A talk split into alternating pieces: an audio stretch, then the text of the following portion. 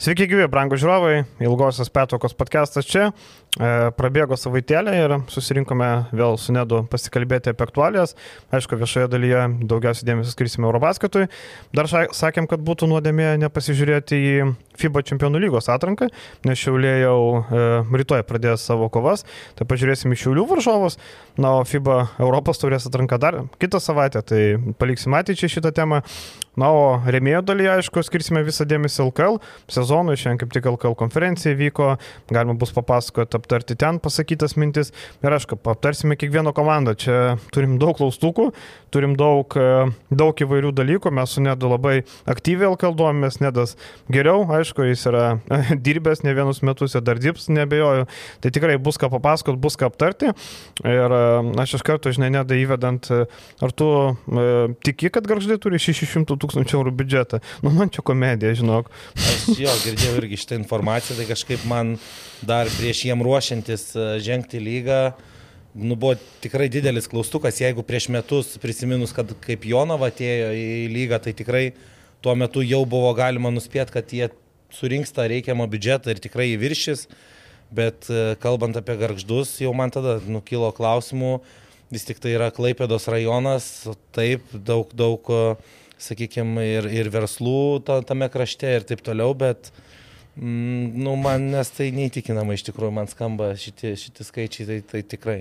Tu pats nedai matai, kad 3-16 mečiai, vienas iš e, Prancūzijos ketvirtos lygos keliačius, realiai 8 žaidėjai, iš kurių 3 veteranai, 2 tarkim iš NKL atėjo LKL, nu tikrai ta minimali suma niekaip, nebent garždai, kaip aš juokauju, įsitrauks nusipirks Patriką Millerį ir Jonathan Elmorą, 2 freagentų, žinai, nebent tada gal išlygins balansą, bet taip tai be šansų. Ne, kol kas, kol kas žiūrint, tai taip mes galime, aišku, imti, plėsim taip, taip. remėjų daly, bet Staniulis, okei, okay, tikrai po gero sezono šiauliuose, tai tai jo talga, nu, sakykime, kiek daugiau negu vidutinė turėtų siekti. Taip, Julius Kazakauskas yra į lygą grįžęs, kuris, kuris aišku, irgi nu, nėra ten labai jau brangiai apmokamas, bet, bet vėlgi vidutinio, vidutinio LKL lygio, lygio klubų žaidėjas, bet daugiau žiūrint į sudėtį, netgi tie Na, patys... Niukirkas šiek tiek. Niukirkas, bet tie patys veteranai, kurie, kurie yra komandai, kurie jau žaidė NKL jau kelias, keletą paskutinių metų, tai, Tai manęs kažkaip nu, neįtikina tie skaičiai. Tai va, tai mes paskaičiuosim rėmėjų dalį, galima bus netgi pasižiūrėti normaliai su algomis, o dabar eikime prie Europos čempionato. Europos čempionatas finišavo e, po 17 dienų. Džiaugiuosi, kad baigė čempionatas. Man tai kažkaip net smagu, kad baigė čempionatas, einam prie klubinio krepšinio. Iš tikrųjų, čempionato metu net e, sunku buvo susiekti tas e, klubinio krepšinio visas aktualijas, nes antiek tu esi įsijautęs, tu stebi viską, viskas tavo fokusas, visa medija, kiek tu atsidarai, viskas vyksta tik apie Europos čempionatą, tai tikrai tik tai po to žiūriu, o čia ir draugiškos rungtynės kažkokios vyksta ir čempionų lygos atranka jau trečiadienį startuoja, tai tai aišku, čempionatą, kokį mes turėjom ir praktiškai playoffą matėjus kiekvieną dieną po, po didžiulę staigmeną, tai, tai kažkiek, kažkiek aišku gaila, bet jo, iš kitos pusės dabar ateina pagrindinis tas desertas ir tikrai tiek turėsim to krepšinio ir gero lygio krepšinio, tikėkime, kad, kad jo, laiku jisai baigėsi ir judam toliau kaip pasakau, užtenka čia žiūrėti į MTT Kumpo ir Dončičius, laiką žiūrėti, žinai, LKL. Į savo kiemą. Taip, į savo kiemą. Labai toli nekeliaukim, pasižiūrėkim nuo pusfinalių, tarkim, ar ne. E, matėm Lenkų pralaimėjimas 41 taško skirtumą. Nu, žinok, man sugadino tos pusfinalius. Aš šiandien rašiau apie penkis nusivylimus. Man tai vienas didžiausių nusivylimų būtent pusfinalio mačas. Jeigu grupiai būtų pralaimėję, viskas ok, matėm ten grupiai, bet netgi Britai, kurie ten buvo daužomi, arba e, kitos komandos, kurios nepasiekė pergalių, nebuvo tokių skirtumų skirtumų, absoliučiai nuvylė. Man tai iš vis buvo užprogramuota tokia baigtis jau ketvirtfinaliui pasibaigus, kada Lenkai išmetė Slovenus.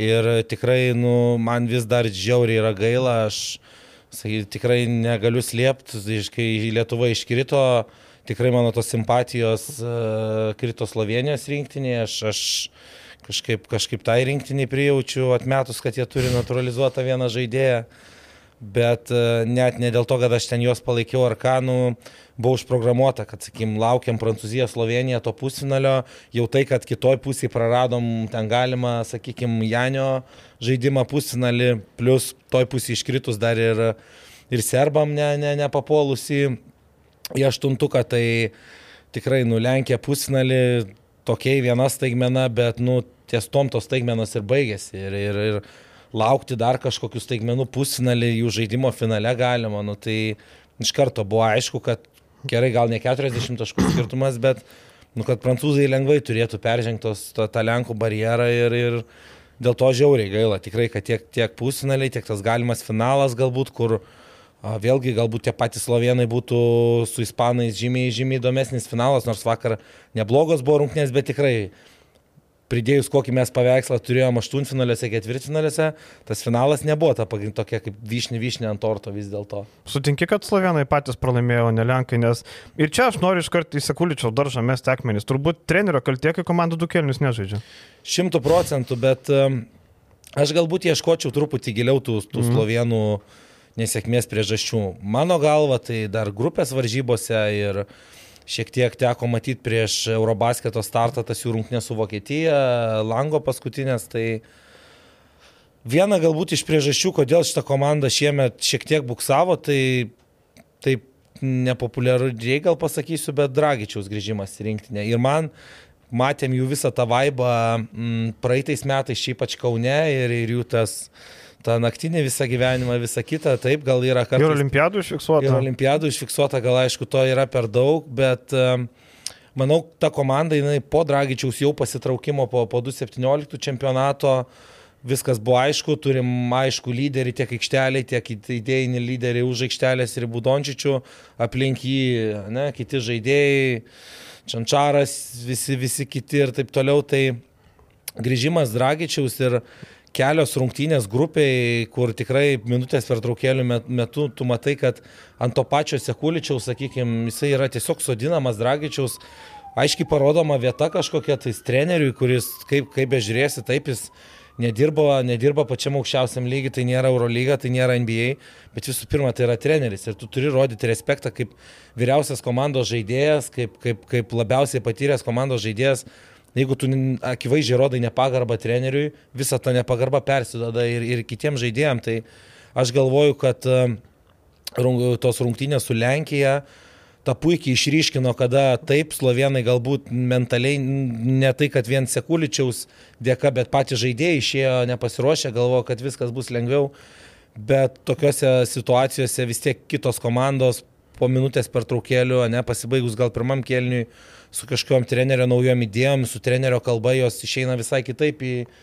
į po tų, po tų pertraukėlių. Čia matėm nu visišką krachą, tiesiog pirmoji pusė, ten vyksta metimas į krepšį, du slovenų žaidėjai, nu net nesiuošia grįžti į gynybą tranzicijoje 2-3 laisvi Lenkų, Lenkų žaidėjim perimetro, vyksta metimas į krepšį, nusakau, matėm totalų krachą, nežinau, tikrai pertraukos metu, matyt, vyrai tikrai tinkamai pasikalbėjo, kad slovenai visai kitokie grįžo į, po, po ilgosios pertraukos, bet aš sakau, aš manau, kad čia buvo, nu, tas bendras toksai, kad tiek, tiek ir Dragičiaus tas grįžimas ir ta, um, kaip, kaip, kaip sakyti, ta tokia destrukcija įvesta, tai viskas tas, tas anksčiau ir vėliau tas išlenda ir tas išlindo ketvirtfinalio rungtynėse.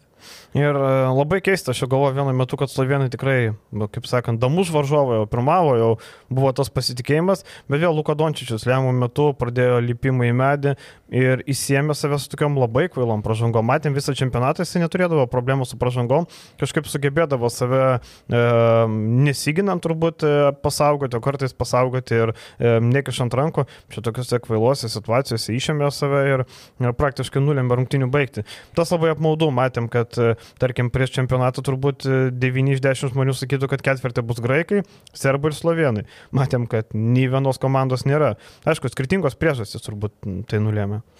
Jo, tai va, slovenų kalbėjom vieną, vieną tai Serbija jau palėtėm truputį tą, tą aštuntfinalį su, su Italija, ten galbūt iš Italijos pusės buvo, nu, ten kos, kosminės, kosminės rungtynės, ką graikai sutiko su vokiečiais, nu, irgi tu pažiūri tas pirmas 2-3 minutės, nu, prieš taip žaidžiančią Vokietiją, nu, tu supranti, kad, kad tą dieną net graikai metė ten 91 tašką, gal aš dabar mhm. tiksliai neatsiminsiu, jie pralaimi rungtynės praktiškai be jokių, be jokių variantų. Tai, Tai kaip, kaip ir sakau, jeigu... Graik, 96. Jeigu, taip. Gra, taip, jeigu graikai ir serbai pralaimėjo, sakykime, nu, tie laimėjo prieš juos kitos komandos. Tai slovenai šimtų procentų pralaimėjo patys. Ir, ir čia tikrai ne Lenkija sužaidė kažkokias tai ten kosminės rungtynės. Aišku, ponitkos skaičiai pažiūrėjus po rungtynių, nu, tai ten įspūdingi, bet, bet sakau, nu, jeigu slovenai leidžia savo ateiti ketvirtfinalį ir m, iš 40 minučių sužaisti 10, maks, maks 12, Tai apie, apie tu gali, nežinau, pastatyti ar Lenkus, ar, ar bet kurią kitą komandą, Britus ar kažką, nu, tu, tu vargiai laimėsi tokia, su, su, su tokiu savo nusiteikimu atėjęs. Na, Lenkai šunuoliai tikrai ketvirtas, nustebino, nieko nepasakysi, perelnis istorija. Ir vakar dėl trečios vietos irgi pakankamai neblogai priešinosi, vienu metu atrodė, kad vėl užmėtys kepurėm vokiečiai, bet mm, visai atrodė, kad vokiečiai žaidžia taip ketvirtą pavarą, kartais penktą jungia to šeštos, niekaip, ar tau irgi tai pasirodė? Tikrai tai pasirodė ir po, po rungtynių, taip, taip transliacijoje Rytis Višniauskas labai mm. gerai tą įvardino, kad uh, taip atrodo laimi bronzą, bronzinės rungtynės, bet tai paėmus turbūt visą čempionatą, tai vokiečių turbūt buvo prašiausias, vienas iš prašiausių rungtynių.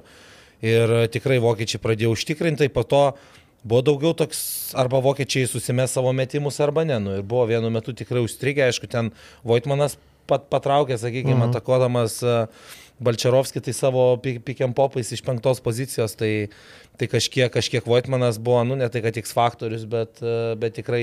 Pagaliau sužaidė pagal galimybės. Taip, tikrai, tikrai timtelėjo tai sunkiais momentais, kada buvo Lenkai grįžę į rungtynės, ir, bet vis tiek tu, tu žiūri tos rungtynės ir mintis tokia ir nu, jausmas buvo, kad nu, anksčiau ir vėliau vokiečiai nu, nu, nusilauž, nes plus ponitkos vakar neįtikinė ne, ne, ne kokios rungtynės, aišku, prabilo, prabilo kiti, kiti. Sokolovskis, matė. Sokolovskis, taip ir. Garbačas 4-4. Garbačas jo įjungė, įjungė pavarą, kur ten pataikė irgi keletą sunkių metimų. Sloteris kaip ir bandė irgi imtis, imtis ant savęs, bet, bet sakau, tokia buvo, buvo jausmas, kad vokiečiai vis tiek anksčiau ir vėliau persilaužtos rungtynės. Na, jeigu žiūrint į vokiečių pasirodymą, tarkim, pusmenis prieš ispanus, kaip manai, ko ten pritruko, kuo, kuo, kuo, kodėl nelaimėjo? Uf aš galvoju, kad irgi tos, tos tokios rungtynės buvo, kur vokiečiai tikrai jau turėdami vienu metu ir tos plus septynis, galbūt pritruko to tokio, gal, nu, damušimo, sakykime, iki mhm. galo tų rungtynių. Žudiko instinkto, kaip sakoma. Žudiko instinkto, jo, ten aišku, Šrioderis žaidė fantastinės rungtynės, gal kažkiek trūko ir, ir kitų žaidėjų įsijungimo tose tose rungtynėse, nu bet vėl, nu, reikia nu, nulenkti galvą prieš ispanų žemai čia. Vėl, aišku, italas treneris, amerikietis žaidėjas, bet, nu, šiaip paėmus tą komandą, nu, tu matai, vėl grįžtam prie aštuntfinalio su Lietuva, kur irgi atrodė, mums buvo ta pati priežastis, reikėjo tik paimti kažkurio metu ir nusilaužtas rungtynės, bet ispanai vad sugeba, jie net paleidę tais aštuoniais, septyniais taškeliais visą laiką laikytis rungtynėse ir vėl nu, įvairios ir gynybos sistemos ištisai ataka, kas ataka, keičiant tą. Tai matėm, sakykime, ką išsitraukė ir ties, kur sustojo vokiečiai, tai irgi tokia gan įdomi sistema buvo 2-1-2, toks kaip ir 3-2 buvo bandoma lygintis, bet nuleidžiant topinį žmogų ties baudos liniją ir paliekant Šrioderį laisvą ir provokuojant įmetimam, vėlgi sukeliant abejonę, mes ne mes. Jis tik gauna kampas, prisiema kamolį dvi rankas ir tuo metu Rudy Fernandesas buvo tas žaidėjas, kuris tą jautė, jis kaip aukštesnis gynėjas iš karto su klauzautu vis prie jo prisistatydavo. Ir tikrai va, tokia gynybos sistema, kur vėlgi, nu, ne box and one, bet tu vėl išmuši varžovų, sakykime, nes, nes labai nestandartinė gynyba, tai, tai sakau, vėl ir iš, iš, iš ispanų pusės nu, buvo, buvo padaryta tie maksimaliai namų darbai išmušant vokiečius iš, iš, iš to įprastųjų žaidimų. Ir šiaip e, gerai, galim prie ispanų, aišku, daugiausiai apie juos ir verta kalbėti. Apskritai, galim pasakyti, kad ispanų ryškiausia žvaigždė buvo Sergio Skariolo. Matom, kad e, Sergio Skariolo, Sergio būtų e, ispanas, kaip Sergio Rodrygės, čia Sergio, bet kaip tu skaitalas treneris, bet turbūt e, čia tas atvejis, kur galima sakyti, jau pusiau ispanas, eilę metų pradirbęs ir laisvai kalbantis ir taip toliau, ir ten mylimas. Tam, kad įdėktum tokią sistemą, kaip pas Kariolas sakė, labai pasitarnavo tie FIBA langai, kurie mums nepatinka. Nes matėm, kad eilė žaidėjų, kurie dabar yra rinktinė, yra Europos taurės žaidėjai arba tiesiog žaidžia vietinėje lygoje, galėjo dalyvauti, skirtingai ne Eurolygos žaidėjai. E, matom, aišku, broliai Arnangomės yra NBA žaidėjai, bet e, kiti krepšininkai, tarkim, Lorenzo Braunas yra Eurolygos, bet kiti galėjo drąsiai dalyvauti tose langose, e, dauguma jų, ten Žalis Para, Brisela, Jaime Fernandesas, e, tas pasdyjasas, matom, ką išdarinėja. E, tai tie langai labai pasitarnavo ir čia šiaip įdomi mintis, niekada net nepagalvočiau, nu taip, primetus pasižiūrėjus, kad tos antros rinkinės būrimas labai labai padėjo, bet aš neįsivaizduoju, kad Lietuvos rinktinė galėtų su antra rinktinė kažką panašaus daryti. Tarkim, pasimkime mūsų langų rinktinę, pridėkime du ten, nežinau, Mariu Grigonį, Valančiūną Sabonį ir važiuojam. Nemanau, kad mes kažką panašaus pasiektume.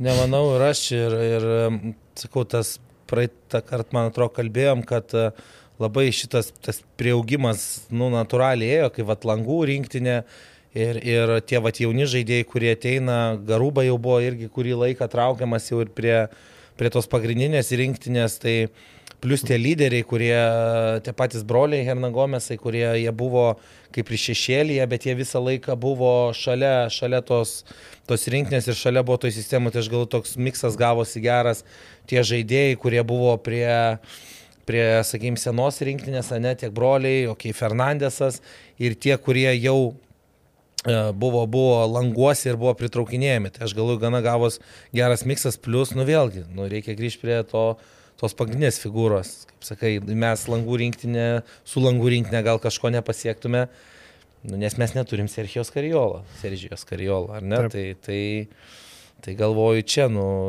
visiškas MVP yra treneris ir, ir, ir sakau, nu, maksimaliai reikia nu, nu, nulenkti galvą prieš šitą komandą, kaip aš dar prieš čempionatą ten keliam žmonėms sakiau, niekada ispanų tu negali nurašyti. Nu kas, kokia be komanda bet važiuotų, bet tai yra, sakau, komanda su visada su maksimaliais lūkesčiais, nes, nes skait, nesvarbu, kas, kas atvažiuoja į tą rinkinę žais, visą laiką vėlgi tai, tai šalis, kuri, kuri pratus prie tų pergalių ir nu, kelia visą laiką savo aukščiausius tikslus. O, tarkim, okei, okay, ispanai, matom, e, laimėjo titulą. MVP apdovanojimas, e, man atrodo, FIBA pateko į savo pačios tokius pastus, ar ne, mhm. su naturalizacija. Realiai Lorenzo Braunas turbūt, e, nežinau, kaž, gal kažkas prieštaraus, bet tikrasis yra MVP, nėra ką kalbėti, jo įtaka. Vilija Arnangomesas yra susirinko daugiausiai taškų būtent iš to, ką Lorenzo Braunas sukurdavo. Apskritai pagal įtaką, ar matom, kad ten dviejų balų skirtumas, ten, jeigu pasižiūri čempionatus, tarkim, jaunimo, kur e, laimėjo Ispanai ir Nunėzas tapo MVP, nors net toli gražu nebuvo naudingiausias. Tai matom, kad į tą statistiką žiūrima taip e, dažnai, į sausą statistiką nežiūrima taip dažnai. Tai ar tu irgi sutinki, kad Lorenzo Branas buvo faktas, kaip sakant?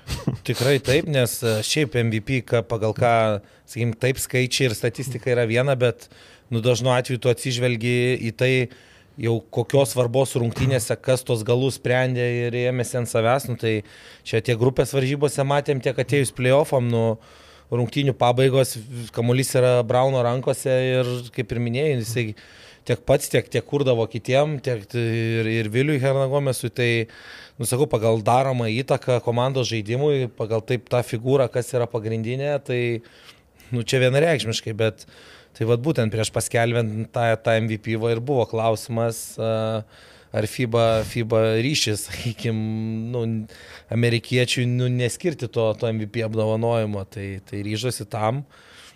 Bet sakau, nu, čia toks, kaip, kaip sakyt, kas atsimins po kažkiek tai laiko, kas čia, kas čia buvo MVP ir taip toliau. Nu, faktas yra vienas, ispanai čempionai. Ir, ir tai Braunas buvo tas lyderis, bet, nu, ką prie ko dar turim, ką dar turim paliesti, kad nu antiek lygių sudėtis, kad realiai kiekvienose rungtynėse vis, vis sakykime, išlyzdavo kitas žmogus. Vakar, pavyzdžiui, man MVP tai buvo iš vis Jaime Fernandesas, kuris ten ir su savo perimtais kamuoliais ir vieną svarbų tritaškį įmetė, įmetė iš kampo, tikrai nu, užkūrė, kaip sakyt, tą varikliuką komandos gynyboje, kur vėlgi jau prancūzai kaip ir buvo grįžę vienu metu į rungtynės, bet, bet jisai, sakau, su savo energija, su savo, su savo darbu gynyboje, jisai buvo, buvo kitos rungtynės, kur Tas pats. Briselą patraukė. Briselą, Diezas buvo rungtynės, kur jisai, jisai truktelėjo komandą. Fernandesas ketvirtinalio rungtynėse su Suomija irgi prabilo. Tai, nu sakau, čia ant tiek, ant tiek lygi ta komanda, kad, nu, realiai bet kas pakilęs, ten 10-11 žaidėjų rotacija, nu, visi neždavo savo indėlį. Bet tas turbūt e, labiausiai įtako turėjo tai, kad visi žaidžia, visi pasitikė savo jėgom, nėra tokių suolo šildytojų, kad tu įleidęs į aikštelę jis bijos, e, neturės ritmo, visi jie pasitikė savo jėgomis, matėm, visi žino aiškias rolės, tarkim Diesas, jisai išėjo, žino, kad turi smaugti varžovo žaidėją ir pataikyti laisvas iš kampo. Ta jisai dalyką padarė, savo tvarkingą vakar irgi 8 taškelį, 3 asistai, 11 balų. Ir tai yra žaidėjas, kur Unikachos atsarginis, tai nėra kažkoks elitinis Eurolygos žaidėjas, atsiminkime, jis atsidūrė komandai vien dėl to, kad Sergio Jūlas gavo traumą. Turėjo būti to rinkti. Taip, tai matom, kaip, kaip gerai išreikštos rolės.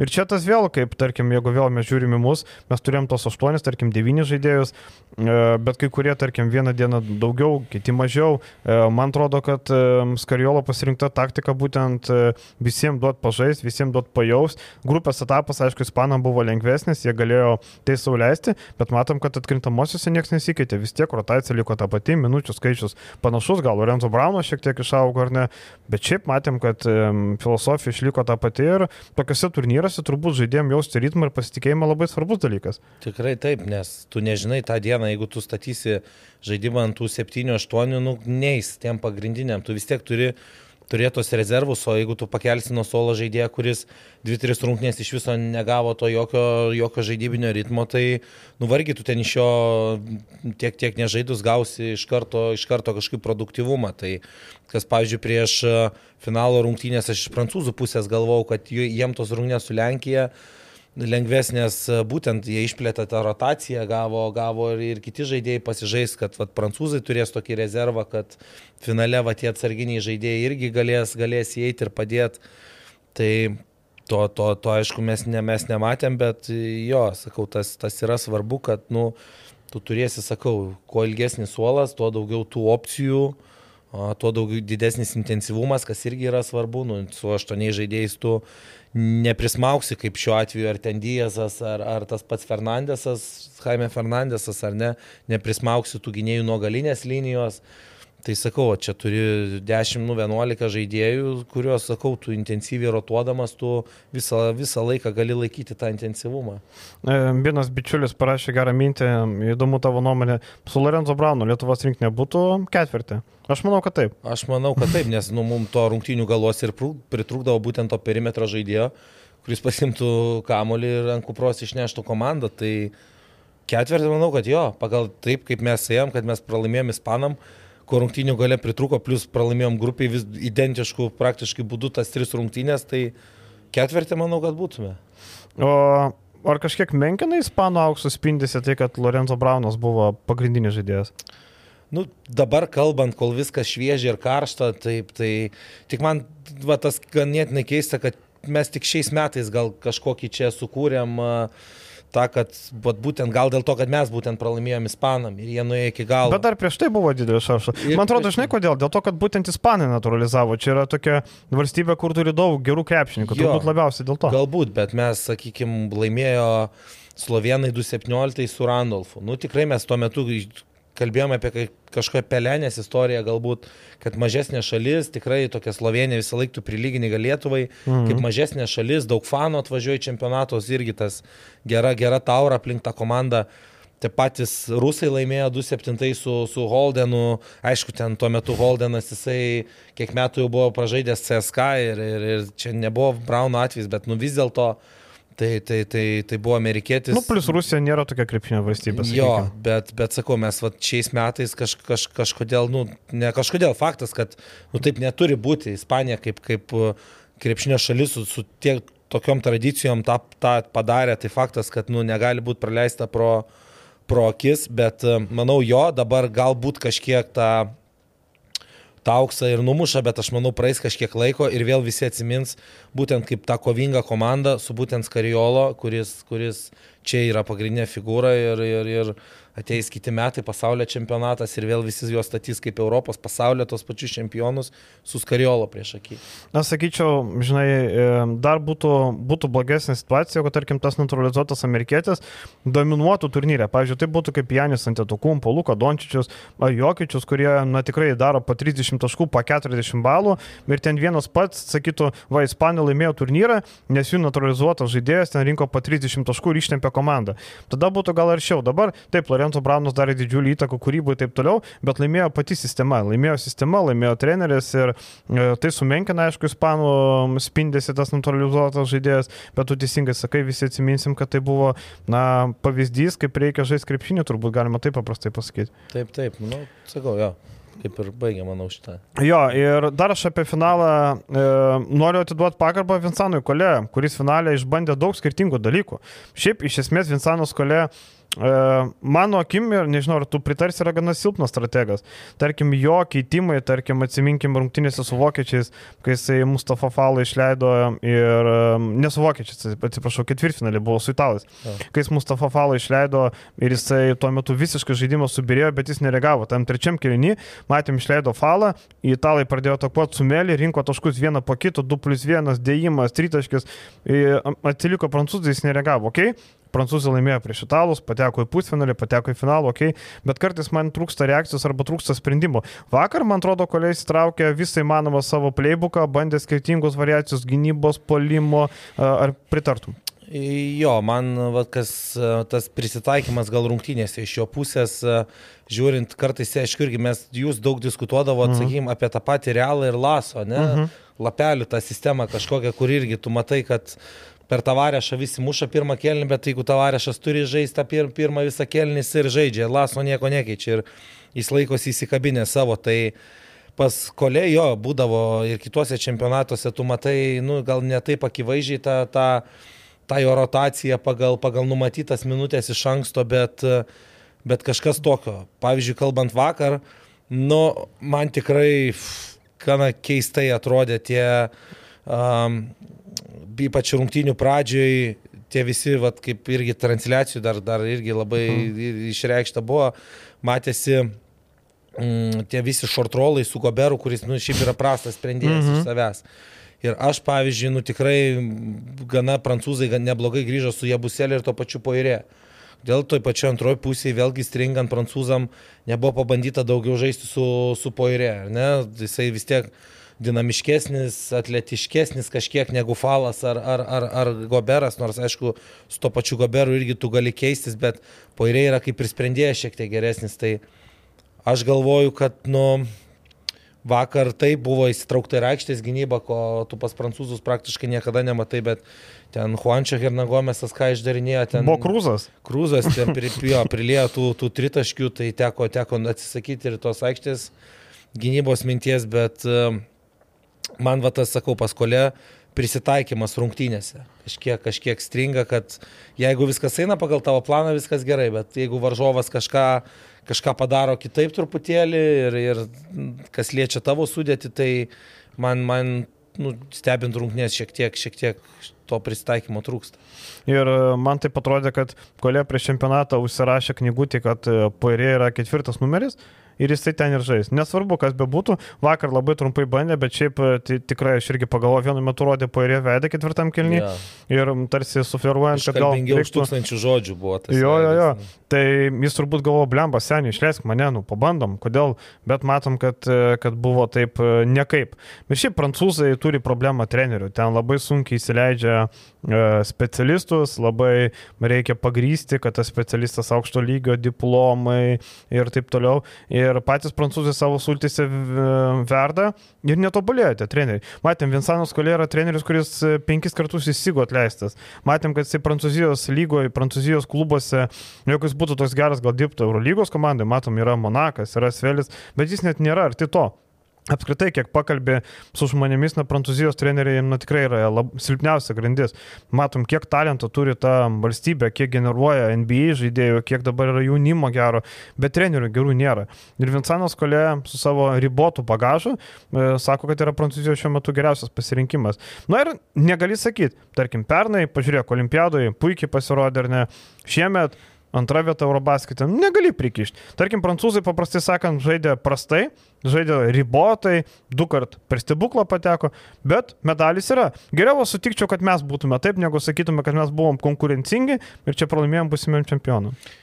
Mes nežinom jo kaip asmenybės, galbūt, kaip sakom, tose tie vat klubinio, klubiniai treneriai sėkmingi nebūtinai bus sėkmingi rinkinėse arba mhm. atvirkščiai. Tai kolė atveju gal kaip tik jisai tas treneris, pas kurį nori važiuoja žaidėjai, turi tą vėl galbūt kažkokią gerą aurą, gal, sakykim, stiprus, nežinau. Sakant, geras dėdas gal. Geras dėdas gal, jo, tai, tai trumpam tam turnyre, nu, pripažinkim, visais šitais atvejais tiek pernai tai ir olimpiadoje, ir 2019 bronzą dar ankstesni laikai Parkerio, ar ne, tai nu, visada tu, ir prancūzai tikrai, nu, tų atsisakymų, tokių, bent jau tų pagrindinių, tų starų, tai, nu, būna, bet, bet, bet Dėl objektyvių priežasčių. Jo, dėl tai pakankamai minimaliai, tai jie visada surinkdavo, nu, tą komandą, kuri tu prie bet kokio trenerio, tu, jie visada taiky, turėdavo taikytis bent jau top 4, tai mm, gal tai yra tiesiog tas treneris, kuris žaidėjim, kaip sakyti, nemaišo ir tiesiog subūrė tą kolektyvą ir, ir, ir dėl to tie rezultatai sėkmingi, o klubiniam krepšinį matom ilgam tam procese, kur galbūt vėlgi dirbi ne pačio didžiausio biudžeto klubuose, ar ne, tai ir, ir čia tas trenerio pasirodo. Bet, nu vėl sakau, aš dabar atrodo, kad mes jį gal čia kritikuojam, bet, bet tikrai, tikrai ne, nes... Nu, mes tik žiūrim, objektyviai. Jo, jo tai, tai tikrai, sakau, mes kaip matom jį daug metų tose čempionatuose, bet aš sakau, galvoju, kad trumpų tų čempionatų specifikoje gal jisai visai, visai ir tinkamas, tinkamas pasirinkimas. Ir paskutinis aspektas, e, mes būtinai rėmėjo dalyje pakalbėsime apie LKL teisėjus. E, vat papasakosi, kuo skiriasi, kad rungtyniauja galiniai teisėjai reitingė nuo aukštutinio. Šiandien matėm, kad e, trim, trys teisėjai negalės teisėjot, matėm Misevičius, taip toliau dar pakalbėsim, bet apie čempionato teisėjimą. Man pikčiausia yra tai, kad Kamilas Novakas, FIBA vykdantysis direktorius, bando dangstytis 15 metais skundėsi teisėjais, bet dabar rašiau, nes čia supras socmedija ir žiniasklaida kalta. Nes žiniasklaidos įtaka išaugo, e, supranti, kažkas iškerpa epizodą, įdeda į Twitter, Instagram, Facebooką, visi pradeda piktintis, o 15 metais mažiau to buvo. Tai ponas Kamilas Novakas gal turėtų pasižiūrėti į savo daržą, kad gal teisėjai nuo 15 metų nepatobulėjo, kad tie skundai. Ir vakar vėl finale matome. Aš matau, kad kamuolys parūdė metimą atsitrinkė lanko šoną. Ką trys teisėjai veikia. Ir po to Skariolo gauna techninę pražangą, nes pyksta keista dėl to, kad Kubė parodė pakartojimą. Šiaip tie pakartojimai Kubė yra blogas dalykas, nes jie sukelia nereikalingas emocijas. E, jo, aš atsimenu, čia dar buvo, kai tik galbūt Žalgirio arena atsidarė, aš mhm. jeigu neklystu, tai tuo metu ten praktiškai tas kiekvienas rungtynės tekdavo lankytis ir tu vis laukdavai per kubą tų pakartojimų, bet vis ateidavo reklama ir tuo metu kodėl čia irgi. Eurolyga neleido. Klausimai. Jo, ir dabar, kaip, kaip čempionatų metu tu stebi per televiziją ir tu pamatai pakartojimą ir kai visa arena pradeda, pradeda ošti, jau tu kaip žiūrovas prie, prie, prie, prie televizoriaus ekrano, nu, tu iš karto ta kažkokia tai reakcija tavo, tavo iššaukia. Tai būnant tribūnose, kur ypatingai finalo metu ir, ir, tu, ir tas pats treneris, jisai irgi mato pakartojimą. Ir visi žaidėjai. Visi žaidėjai. Sako, žiūrėk. Ir, ir tu, sakykim, tu nematytum to pakartojimo, tai... Tai taip galėtum ten už skariolą kažkokias emocijas, teisingas sprendimas, neteisingas tavo duodi techninę, kur vėlgi po tavo klaidos seka techninį viršaus, nu čia yra kosmosas. Bet kai tu visą tą dar matai akivaizdžiai, nu, nu trūksta žodžių, sakau, ant kiek, ant kiek tu matai visą tą aukščiausią lentyną žaidėjų, trenerių ir, ir tau visą muša, muša lygį, tas, tas teisėjavimas, ta rungtinių nekontrolė. Tai ten apie rungtinių pabaigą, kur ten ta sušilta pažanga vaiduokliui kažkokiam buvo, nu, sakau, man, nu, turi kažkas keistis, turi, turi jie eiti prie, prie to, kad, nu, turi grįžti Eurolygos teisėjai į tokio lygio turnyrus, nes kitaip, aišku, kalbėjom praeitą kartą, žaidėjai ne, neatsisakys važiuoti, bet nu, tas produktas, nu, jisai tikrai neįsiprieki. Ir taip, tas įsėjimas ir reikia ieškoti kažkokių sprendimų. Matom, e, FIBA vadovai nusteikia optimistiškai, nevadėnas Budroga atėjęs čia labiau kalbėsis, e, gal, gal, bet e, nežinau, man atrodo, kad FIBA yra tokia organizacija, kur tam, kad e, Eurolygos teisėjus priimtų, turės Eurolyga vos nenusileis, galbūt tuo metu, kai vyks FIBA langai, sakys, kad negalės vykti Eurolygos rungtynės, ko FIBA iš esmės ir nori, turbūt esminis tas dalykas, e, bet Eurolyga turi žiūrėti savo interesų ir taip klubai spaudžia iš kitos pusės, tu su FIBA nori kalbėti, bet tau už nugaros stovėjo klubai, sako, broli, turim daug dvigubų savaičių, mes ir taip nespėjom, mes turim po tris mačius per savaitę žaisti, kai yra dviguba savaitė, bus nacionalinis čempionatas. Jeigu mes nuimsim dar vieną savaitę turnyro, o gaunasi ne viena, o dvi lapkritį, ir dar e, vasarį, tai kur mes žaisim tas rungtynės? Tai man atrodo, kad čia toks, e, tokia situacija, kur nėra sprendimo net su Bodiroga. Čia, man atrodo, ne Bertomeu kaltėjau, tiesiog tai yra tvarkaraščio įkaitas ir man labiau nepatinka, jeigu čia reiktų rinktis ar Eurolygos tvarkaraštis ar FIBA langai, sakyčiau, meskit lauktos FIBA langus. Kokia tavo nuomonė? Ne, tai čia faktas, kad, nu, ir tai tas tvarkaraštis, kaip minėjai, antiek, antiek yra sugrūstas ir suspaustas, tai kad būtų per didelė prabanga dar stabdyti Eurolygą. Mhm. Ten gautus praktiškai turbūt keturios savaitės per sezoną, jeigu dvi savaitės lapkritį iškrenta, dvi Taip. savaitės vasarį. Mes matėm sezoną, kada buvo visi COVID atvejai ir, ir, ir taip toliau.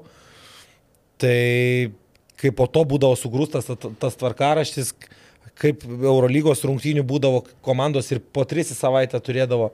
Tada nacionaliniai čempionatai tau nusigrūda, kad tu balandį ar, ar gegužės mėnesį turi plakti kas dvi dienas nacionalinį čempionatą. Tai faktas, kad ir Eurolygai jinai tikrai nenusileis 100 procentų, nes, nes dar dasidėjo dvi, dvi, dvi komandos, dar, dar tas tvarkaraštis dar įsiplės. Tai, nusakau, aš, aš ne, manau, kad čia reikia bendrų sprendimų, bet nusileisti turi FIBA šitoje vietoje, tikrai ne Eurolyga.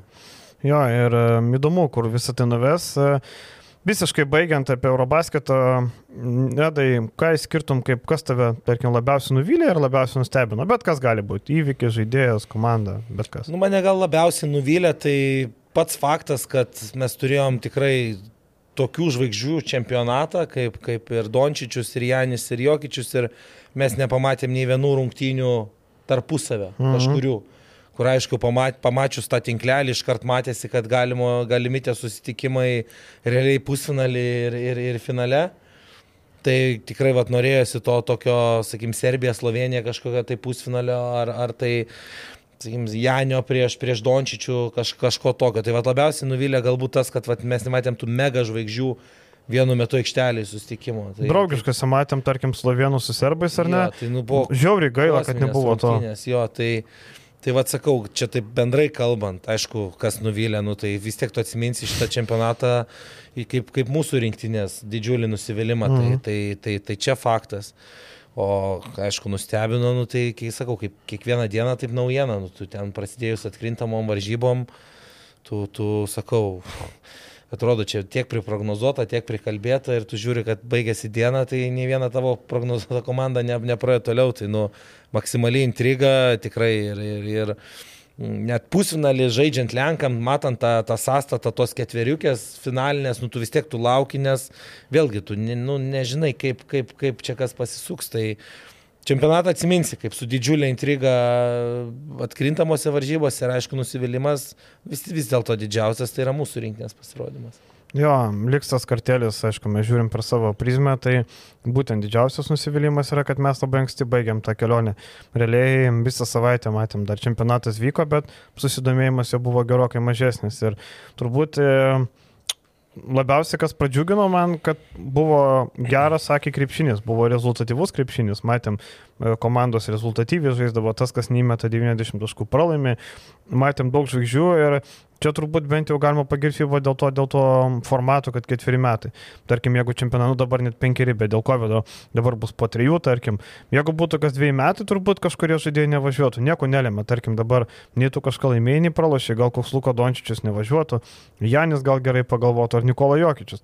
Tai bent jau iš tos pusės čempionatas buvo labai geras, matėm aukščiausio lygio krepšinį, e, daug, daug gerų dalykų. E, FIBA yra daug namų darbų, kaip sakant, per trijus metus sutvarkyti įsėjimą, gal organizacinius klausimus paspręsti, kurių buvo, ten jau kalbėjom ir pasakojom, kad ten užrakina per laisvą dieną kolos, negalim žurnalistam, internetas neveikia, žinai, e, tu atvažiuoji dirbti ir jeigu turi sukti galvą dėl interneto, tai yra na, labai jokinga, kai iš esmės e, nebeliko žurnalistų, kuriems nereikia interneto. Mm. Netgi jeigu tu dirbi radiją, tau reikia siūsti įrašą, dirbi telekę, nekalbam ar ne, dirbi net laikraštį, tau reikia įsiųsti tekstą ir taip toliau.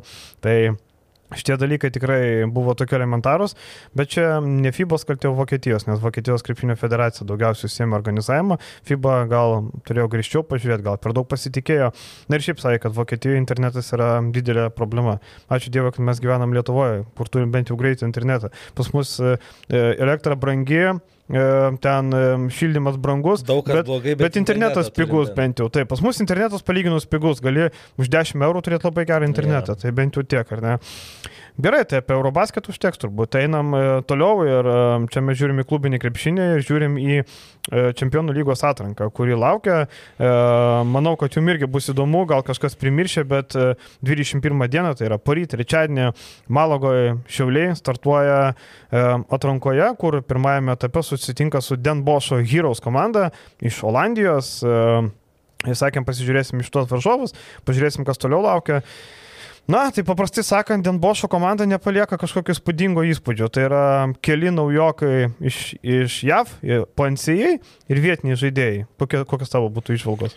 Tokios ir išvalgos, kad, nu, miksas, sakykime, tarp vietinių žaidėjų ir, kaip minėjai, tų, tų uh, kelių, kelių atvykusių žaidėjų iš, iš NCAA. Uh, komanda irgi kiek, kiek, kiek žiūrėjau ir iš, iš anksčiau šiek tiek, nu, tai tikrai uh, matosi, sakykime, tas, tas toksai braižas, kad daugiau laisvas tas bus, bus krepšinis ir tikėtina, kad ir dabar, tai žinant Šiaulių filosofijas ir Reikos filosofiją, tai turėtų susitikti gana dvi, dvi, dvi panašios filosofijos aikšteliai. Tai sakau, žiūrint į tas pavardės, jeigu tu atsidarai galima sekantį varžovą Malagą, kur tu matai Europos čempionų dabar, jau dabar pavardės, tai, tai plus jie bus šeimininkai Malaga, tai pirmas varžovas, nu tikėkime, kad, kad šiauliai kažkokiu būdu peržengsi, bet nu vėlgi didelio skirtumo, ar tu iškrisi pirmam raunde, ar tu iškrisi po to trečiam raunde, tai didelio, didelio skirtumo nėra, aišku, nu šiauliam prieš, prieš sezoną prieš sezoną gana neblogai būtų gauti tas kelias, kelias tokio, tokio lygio rungtynės, bet iš kitos pusės ir gaila, kad būtent buvo tokie burtai, kur, sakau, nu, pirmą etapą, kad ir peržengus, tu po to atsimuši į Malagą, kur jau tau jau tau kaip ir, kaip ir nu, tikėtina, kad kelias susidarys. Ir tą pirmą etapą peržengti, žinai, mes kartais pasižiūrim į tas užsienio komandos, kur, ai, nu tai čia žiūrėk, čia mensėjai, čia vietiniai, atsiprašau, kas pas mus tokie žaidžia, ar čia pas mus žvaigždės šiuliuose surinktos, atsiprašau, ne? Jo. Ir matėm, kad pasirinkimas šiuliam niekaip sekėsi, matėm pralaimėjimas po pralaimėjimo, žinom, kad pas Antanas reikia, kol įsisavina sistema naujokai, reikia laiko, nieko nepadarysi, e, to, tokio, tokią realybę, tai šiuliam net pirmą etapą peržengti irgi bus reikalų, kaip bebūtų. Nėra nei stebuklingas sudėtis, jo lab, kad buvo ir pasikeitimų, matėm ir, ir traumų buvo pasirinkimo cikle. Šiaip, jeigu pasižiūrėtų Unikachą, jau kas nors neužmetė akės, tai galima pavardyti, kokią tai komandą treniruoja Ibonas Navaro, irgi labai gerai žinomas Ispanijos specialistas, nekartą, vieną kartą buvo kažkada įvardintas kaip labiausiai perspektyvus, bet matėme Eurolygos komandoje Baskonė neusikabino, vėliau buvo iš Andoros atleistas praeitą sezoną, bet šiaip žaidėjai tikrai daro įspūdį, kaip tu sakei, Europos čempionai, Dario Briselą matom. E, Diesas. Taip, e, Diesas, e, toliau matom Jaime Fernandesas irgi iš tos pačios komandos. Tai nebent čiuliam pranašumas gali būti, kad jie dar grįžę po Eurobasketo bus tokie pasėdė žemyn. Bet yra kam žaisti. Vilas Tomasas grįžo iš Monako į Unikachą. Augusto Lima puikiai pažįstamas, Taip. Nihadas Džedovičius iš Bayerno, Dylanas Osetkovskis iš Asvelio, Tysonas Carteris, kuris sezoną užbaigė Zenit komandoje, Davidas Kravišas, Galatasaray žaidęs, e, turintis Bulgarijos pilietybę, e, Melvinas Ižimas iš irgi žaidė Budašnas, bet Unikachų du sezonai. Ir Kendrikas Perė, aišku, Višniam torto. Tai, na, sudėtis įspūdinga, tikrai. Unikacha, kalbėjau su vienu kolega iš Ispanijos, Unikacha e, šį sezoną nori grįžti vėl į tą elitinį penketuką. Tikslas yra ketvirtas arba penketas. Ir nes matėm pastaraisiais metais Unikacha, atsimenam, buvo Eurolygos komanda, o praeitą sezoną vos atkrintamasis pateko. Jo. Tai tikrai noras yra grįžti į viršų ir um, tikslas yra patekti čempionų lygą užsimerkus. Šiaip gana ironiškai skamba, kai Unikacha į čempionų lygą bando patekti per atranką, nors jeigu būtų norėjęs, manau, Eurocapė būtų gavusi vietą pagrindiniam turnyrė, turint omeny, kokios ten yra komandėlės. Tai gaunasi taip. Nieko, kaip sakant, čiuliam optimistiško nesišvečia turbūt, ar ne? Nu, vienas, kas galbūt dar toksai vilti teikia, kad uh, palyginus kaip šiaulėjai ankstesnės vasaras leisdavo, likę praktiškai su dviem žaidėjais sudėti, ten pakeisdami praktiškai viską, tai mm, aš manau, kad jeigu dar būtų jie išsilaikę Staniulį penktoje pozicijoje, tai, tai tie pakeitimai būtų buvę praktiškai minimalūs. Sakykime, lyginant, lyginant su praeitais metais tą brandolį, kaip, kaip, kaip bežiūrėsi tą lietuvių brandolį, jie išlaikė, plus tas pats, tas pats e, Besbradica penkto, penktoj pozicijoje, tai aišku, vėl nu, didžiulė mislė, kaip Kailas Mangasas, ar ne, jisai, kaip jisai pakeis, kaip ir Elmorą turėjo, turėjo, turėtų keisti, ne, tas pats uh, Zahorė, penkt, penktos -hmm. pozicijos žaidėjas, kaip jisai atrodys, tikrai, bet pagal tai žiūrint draugiškas, draugiškų rungtynių rezultatus, aišku, buvo tos traumos, bet, nu, kažką pozityvo sunku rasti, kad jie peržengs tą, peržengs tą atranką, nu, sakau, manau, tą pirmą raundą galbūt kažkaip, bet po to, kai tu atsimuši malagą, tokią malagą, tai vargiai, vargiai kažko gali tikėtis, nors, nu, vėlgi, vieno vienų rungtynių specifika.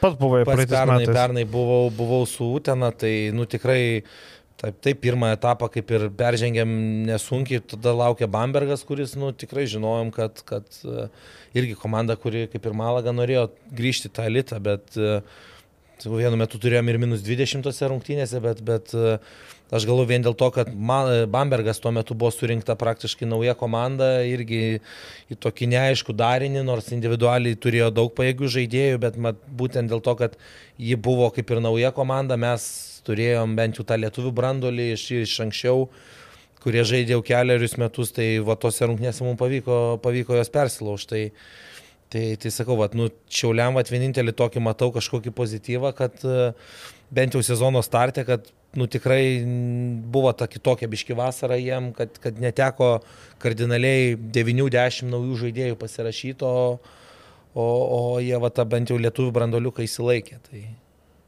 bus matyti. Jo, vienas mačas, reikia tikėtis, kad šiauliai pateiks teigmenų, o jeigu ne, tai bent jau bus dar du kokie pasirinkimo mačai, kaip sakant, sezonui, nes sezonas startuoja jau savaitgalį. Tai apie Šiaulius tiek, kitą savaitę pakalbėsim apie kitų komandų varžovų Sibeto, e, Vulsų, kaip sakant, ten laukia Saloniko Arės. Įdomių dalykų apie šį klubą yra, apie šį klubo sudėtį ir panašius dalykus. Na, o dabar mes keliaujam kalbėti apie LKL.